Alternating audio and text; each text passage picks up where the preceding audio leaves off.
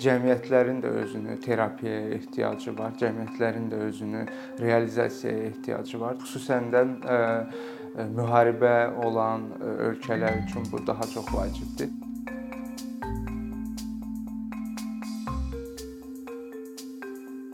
Mən pandemiya və müharibə başlayanda ilk küçə performansımı elədim və düşündüm ki, insanlar çox problemlər yaşayır və cəmiyyət olaraq bir gərilmə prosesi gedirdi və belə bir məqamda insanlar üçün düşündüm ki, çox yaxşı olar ki, onlara üçün bir yenilik olsun. Mən elə düşünürdüm ki, cəmiyyətin, küçələrin, insanların rəngləri sanki çatışmırdı və ona görə öz rənglərimi onlarla bölüşmək istədim. Təbii bu, yəni insanlar tərəfindən tənqidlər də olur və bu nüansları görənlər də olur, amma sadəcə olaraq ümumi bu prosesin önəmliliyi, vacibliyini görürəm və ona görə də məhz bu belə deyim ki, bu küçə incəsənətinin vacib olduğunu düşünürəm. Bu küçə incəsənəti qədim dövrlərdən yaranıbdır. Kosa, keçəl, eyni zamanda şəbihlər götürə bilərik ki, biz bu belə deyim ki, Bunlar da küçə incəsənəti növünə gedir. Burada biz insanların özünü ifadə azadlığını da toxuna bilərik. Məsəl üçün insanlar müxtəlif növlər vasitələrlə özlərini ifadə edir. Onların özünü ifadə eləmə vasitələrindən də biri incəsənətdir. Nəinki özünü ifadə, hətta belə deyim ki, art terapiyalar dünyada yayılmış ən belə deyim ki, geniş üsullardan biridir. Bu biz baxsaq bu şəxslər üzərində də olur. Yəni şəxslər müraciət eləyir psixoloqlara, art terapiya üsullarından istifadə eləyir, amma cəmiyyətlərin də özünü terapiyaya ehtiyacı var. Cəmiyyətlərin də özünü realizasiyaya ehtiyacı var. Çünki xüsusən də müharibə olan ölkələr üçün bu daha çox vacibdir. Fikirləşirəm ki, Azərbaycan və Ermənistan üçün daha önəmlidir ki, onlarda küçə incəsənəti olmalıdır. Çünki belə bir cəmiyyətlərdə intihar halları daha çoxluq təşkil edir. Eyni zamanda müharibədən qayıtmış ki, biz onları qazilər adlandırırıq, onların intiharına baxa bilərik və bu bütün bunların belə deyim ki, qarşısını almaqda, eyni zamanda bu cəmiyyətlərin özünü realizasiyasında bu küçə incəsənətinin rolu önəmlidir. Mənə görə incəsənət azadlıqdır və sənin özünü ifadəndir. Burada belə deyim ki, biz bəzən bölürük küçə incəsənəti yoxsa daxili incəsənət, amma bütün halda insanın özünü ifadəsindən keçir. Təbii Azərbaycanda bu bizim özümüzü ifadə azadlığımız pozulur və belə deyərdim ki, bunun vacibliyini gör görmək insanlar tərəfindən, xüsusən də strukturlar tərəfindən bunun vacibliyini belə deyim ki, görmək istəmirlər və yaxud görməzdən gəlməyə çalışırlar. Mənə elə gəlir ki, ən özünü ifadə üçün ən rahat üsullardan biri küçədir, nəinki hansısa məkanlardan istifadə eləmək. Məkan istifadə eləmək üçün sənə işıqlar, dekorasiya, xüsusi belə deyim ki, maddi imkanlar gərəkir, amma küçədə bunun daha əlverişli, daha çatımlıdır sənin üçün. Çünki günəş sənin işığın, dekorasiyalar, binalar sənin dekorasiyan ola bilər və tamaşaçı üçün xüsusi sənin yəni belə deyim ki, öz performansını, tamaşanı, xüsusən nəsə göstərmək istəyirsənsə, bunu göstərmək üçün böyük bir, yəni sənin üçün belə deyim ki, reklama, bunu reklam eləməyə, insanlara çatdırmağa da xüsusi, yəni vasitələrə ehtiyacın qalmır. Çox sadədir. Çıxırsan küçəyə, insanlar var, dekorasiya var, işıq var, hər şey var və sadəcə olaraq sən özünü ifadə eləməlisən və istədiyin yəni bu yaradıcılıqdır. Sən öz içindəki, öz dünyandakı nə isə insanlarla bölüşmək istəyirsənsə, bunu çox rahatlıqla bölüşə bilərsən. Təbii bu burada olur ki, yəni bizdə Azərbaycanda biraz yeni olduğu üçün insanlara biraz qəribə gəlir ki, hə bu nə edir küçədə, niyə küçədə? yəni başqa yer var. İnsanlara adətən belə deyir ki, gedib içəridə oynaya bilər də, niyə küçədə?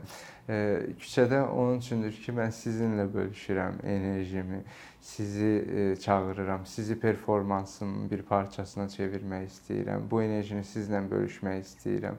Məhz ona görə mən küçəyə gəlmişəm. Yəni bu tərəfindən də baxmaq olar. Və yaxud da dövlət qurumları, xüsusən yəni ki, polis baxır ki, nə baş verir də, yəni niyə küçədə?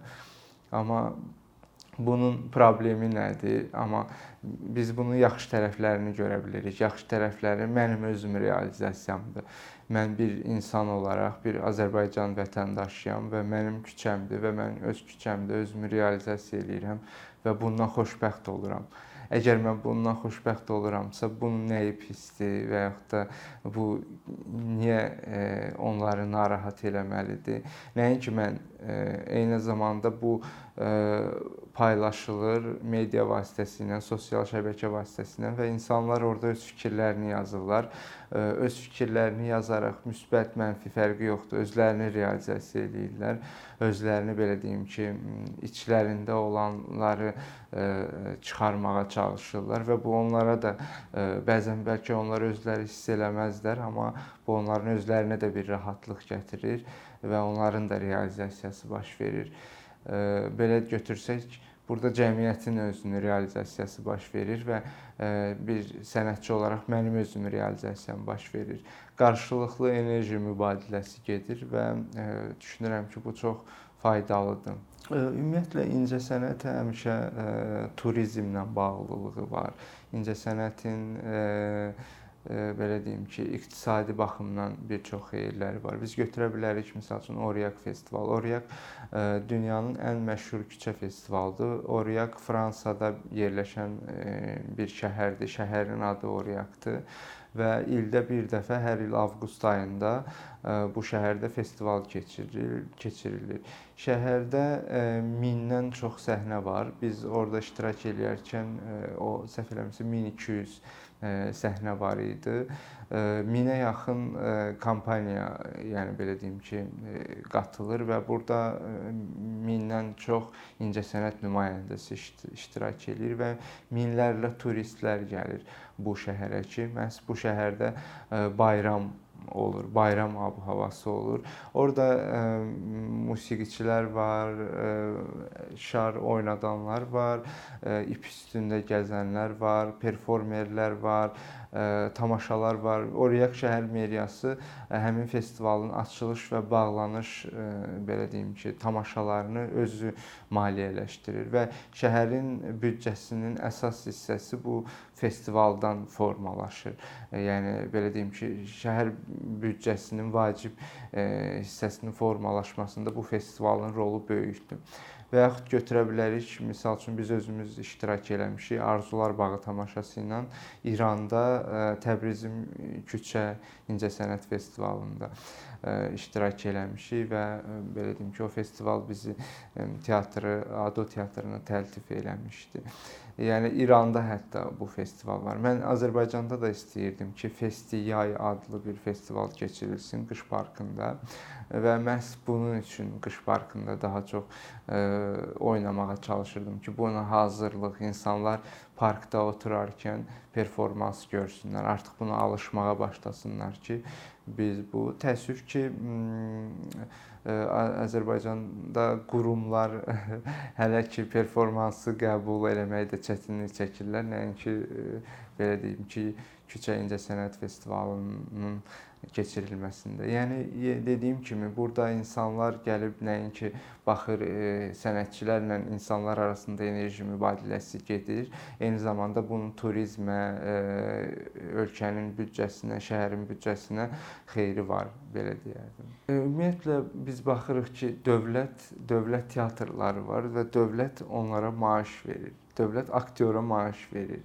Yəni e, polisə necə ki maaş verir, polis ictimai asayişi qoruyur.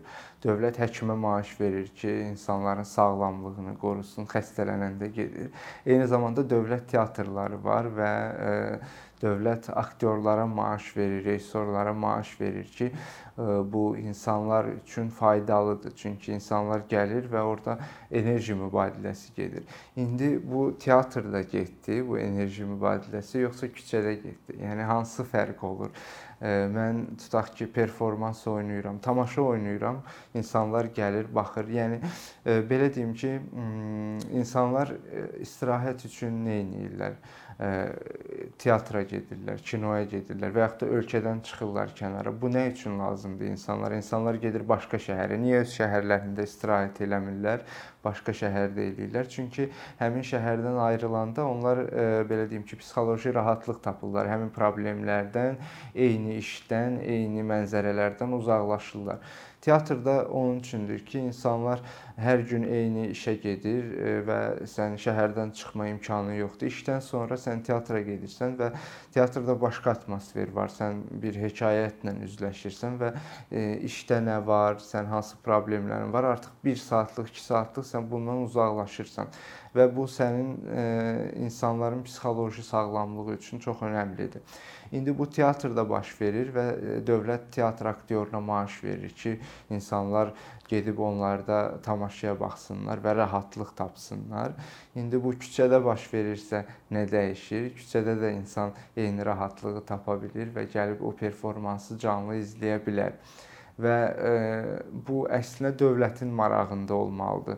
Nəyə görə? Çünki sənin iqtisadiyyatına xeyirdir. Sənin turistlər gəlir ölkənə və e, yalnız daşı, divarı görüb getmir və görür ki, ha burada performans gedir, burada musiqi var. Bu küçədə e, bir gitarist gitarasını qoyub oxuyur, biraz onu dinləyir, gedir qabağa görür başqa bir performans var, per performer var, performans oynayır. Və belə-belə şəhərin rəng qatır. Bunlar şəhərə rəng qatır, şəhərə maraq verir və e, insanlar üçün, dövlət üçün, ümumiyyətlə bizim ölkəmizin əgər yaxşı olmağını istəyiriksə və rəngli olmağını istəyiriksə, bizim performerlərə ehtiyacımız var. Məncə insanlar bunu özləri eləyə bilərlər. Thank you.